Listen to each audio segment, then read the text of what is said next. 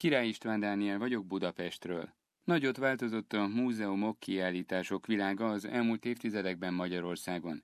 Míg a közelmúltban főben járó bűnnek számított, ha valaki megérintette egy kiállított tárgyat, még akkor is, ha ez egy másolat volt, mára egyre több intézmény igyekszik olyan eseményeket szervezni, amelyeken a látogatók hozzányúlhatnak, sőt, akár meg is tapogathatják a tárgyakat, legyenek kíváncsi gyerekek vagy akár látássérült vakemberek. Jelentős szerepe volt ebben a Magyar Vakok és Gyengénlátók Országos Szövetségének is. Nagy Sándort a szervezet elnökét hallják. A múzeum pedagógusokkal közösen foglalkozást tartottunk, amikor is megbeszéltük, hogy hogyan lehet úgy megvalósítani egy múzeumi kiállítást, hogy az a vakemberek, a vaklátogatók számára is élményt jelentsen. Azt követtük, hogy elkészült egy külön kiállítási rész, amikor is az eredeti kiállítási darabokról életmű másolatot készítettek, és ezt az életmű másolatot lehetett vakon megtapogatni.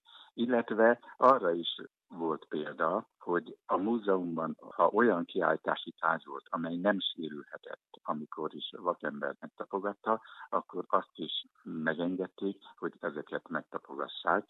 Nyilvánvalóan verbálisan ismertetik, elmondják, hogy miről van szó, milyen tárgy, és a közvetlen információt meg úgy szerzi róla a vakember, hogy a kezébe veszi és megtapogatja. És így akkor teljes információhoz jut a kiállítási darabbal kapcsolatosan. Az alkalmi programokból aztán állandó lehetőség lett. Egyre több intézményben vannak olyan termek, részlegek, ahol hozzá lehet nyúlni a látnivalókhoz.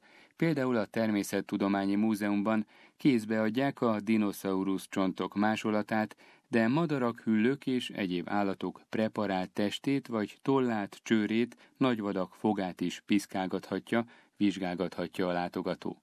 Ezen kívül vannak állandóan elérhető bemutató tárgyak is, ráadásul az ország egyre több pontján, mondta Nagy Sándor. Ezek a térplasztikák, amelyeket úgy készítenek el, hogy a vakember adott városrészekről információhoz jusson tapintás útján. Ez kezdetben a Rotary Club támogatásával indult az 1998-as évek tájékán, ezt követően azért egyéb támogatók is megjelentek, de így sok a halászbástyáról, a várról, az egri főtérről, Nyíregyházán a főtérről. Sorolhatnám, mert nagyon sok, tehát a Szentendréről készültek ilyen térplasztikák, aminek segítségével a vakember megismerheti egy város résznek az érdekes épületeit. Néhány nappal ezelőtt például Kiskunhalason adtak át egy ilyen térplasztikát a város főterén.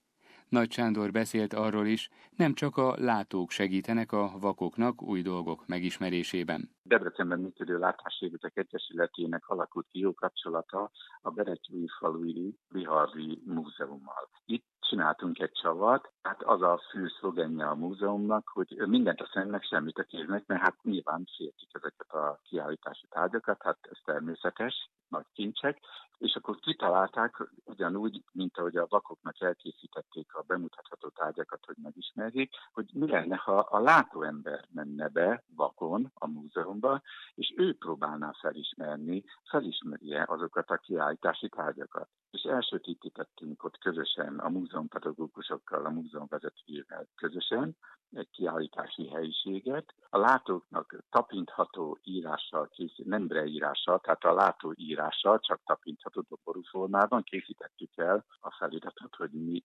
tapintható ott meg, és arra készítettük a látóembert, hogy sötétben vajon hogy tud tájékozódni, tud-e sötétben olvasni, és sötétben felismeri a kiáltás eszközöket, és nagyon nagy sikere volt tényleg öröm volt velük ezt csinálni. De nem csak Debrecenben alkalmanként, Budapesten a láthatatlan kiállításon immár tíz évet tapasztalhatják meg a látóemberek, milyen az, amikor az egyik érzékszerűket nem tudják használni. Horváth Petra, a kiállítás sajtóreferense azt mondta, évente nagyjából 50 ezeren keresik fel a kiállítást, vagyis nagyjából félmillió látogatót fogadtak eddig. Olyan dolgot tapasztalnak itt a látogatók, amit semmilyen más közegben nem is lehet elképzelni, nem hogy tapasztalni.